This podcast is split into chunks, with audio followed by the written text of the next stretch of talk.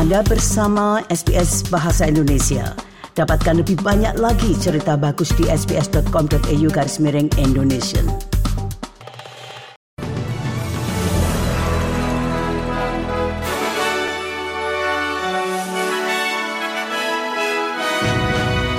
Berita terkini, SBS Audio Program Bahasa Indonesia untuk hari Jumat 29 September 2023.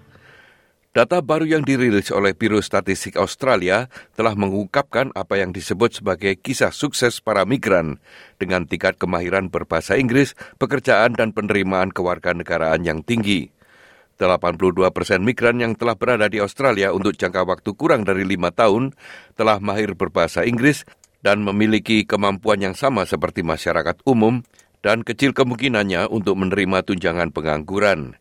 Juru bicara dari AMES, Lori Nowell mengatakan investasi yang lebih besar dalam layanan permukiman diperlukan untuk sepenuhnya memanfaatkan potensi keterampilan dan pengalaman para migran. We think that, you know, some intensive support close after arrival in terms of getting people up to getting a job would be really beneficial in the long term. You know, it might cost some money up front, but in terms of productivity and, you know, tax income over decades, it would, it would be a worthwhile investment.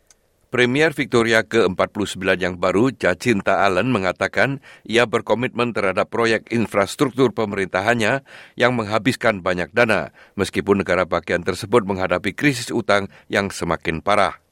Premier mendapat pertanyaan sulit tentang masa depan perekonomian negara bagian itu karena perkiraan utang bersih negara itu akan membengkak hingga lebih dari 170 miliar dolar pada tahun 2027. I want to be absolutely clear that we will deliver what the Victorian community have voted for. That is the, uh, the, the, settings that we will continue to pursue. That setting has uh, a return to an operating surplus in the forward estimates, and that is a responsible framework that is in place that will be uh, delivered by this government.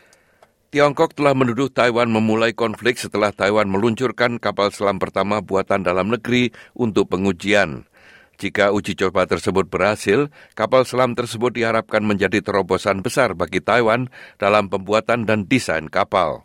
Juru bicara Kementerian Luar Negeri Tiongkok, Mao Ning mengatakan, Tiongkok menganggap uji coba kapal selam itu sebagai tindakan konfrontasi. First of all, this is not a diplomatic issue. Taiwan is an inalienable part of China's territory, and reunification of the two sides will certainly be achieved. The Democratic Progressive Party authorities stubbornly stick to the Taiwan independent separatist position, squander the hard earned money of the people in Taiwan to purchase weapons and create confrontation and antagonism across the strait. This will only undermine the peace and stability of the Taiwan Strait. Ratusan warga Armenia Lebanon melakukan aksi protes di luar kedutaan besar Azerbaijan di Beirut Utara yang mengkritik tindakan pemerintah Azerbaijan atas Nagorno-Karabakh.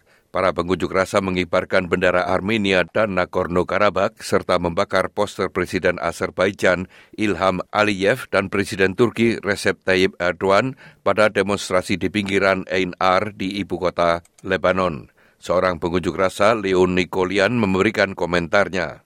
Nagorno-Karabakh is historical Armenian land since many thousand years and years. It was even uh, the house of the Armenian kings at the time of the kingdom. Unfortunately, today we lose that. Today, Azerbaijan have take back all the Karabakh, and we have more than 50,000 people who are refugee in Armenia. Sementara itu, Perserikatan Bangsa-Bangsa mengatakan keprihatinan mereka terhadap meningkatnya jumlah pengungsi yang melarikan diri dari Nagorno-Karabakh ke Armenia. Sejak hari Minggu, para pejabat Armenia mengatakan lebih dari 74 ribu orang etnis Armenia telah melarikan diri lebih dari 60 persen populasi di Nagorno-Karabakh. Stefan Jurasik adalah juru bicara Sekretaris Jenderal PBB menjelaskan. Uh, UNHCR is calling for the protection of civilians in full respect for international humanitarian and refugee law. UNHCR also reiterates its call to refrain from actions that would cause further displacement of civilians and to ensure their safety, security, and of course their human rights. Keluarga-keluarga diaspora Asia di Australia dan di negara-negara lain telah bersiap-siap merayakan pertengahan musim gugur atau Festival Bulan, salah satu acara terbesar dalam kalender Asia. Festival ini dianggap sebagai hari terpenting kedua dalam kalender Asia setelah Tahun Baru Imlek. Pipi Linda, 87 tahun berada di Perth, membagikan pengetahuannya dan mengatakan bahwa perayaan ini sangat penting untuk diperingati. Mooncake festivals is um, that time. Basically, I remember my parents just to worship the god, you know, or the moon, or the moon, and that uh, because my parents were not Christian, and that um, eating mooncakes is actually something like a rich man's uh, thing. I was born in a very poor family, so we didn't have much celebration. Sekian berita SBS Audio program Bahasa Indonesia yang disampaikan oleh Riki Kusumo.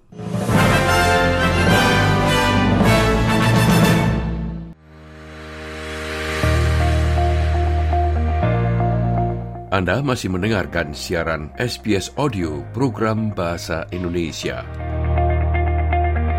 Jika Anda ingin menghubungi kami, silahkan menelpon kantor kami di Sydney pada nomor 02 9430 3135 atau kantor kami di Melbourne dengan nomor 03 9949 2208.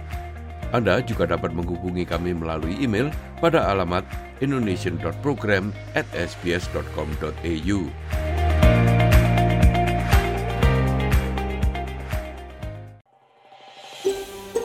Anda ingin mendengar cerita-cerita seperti ini?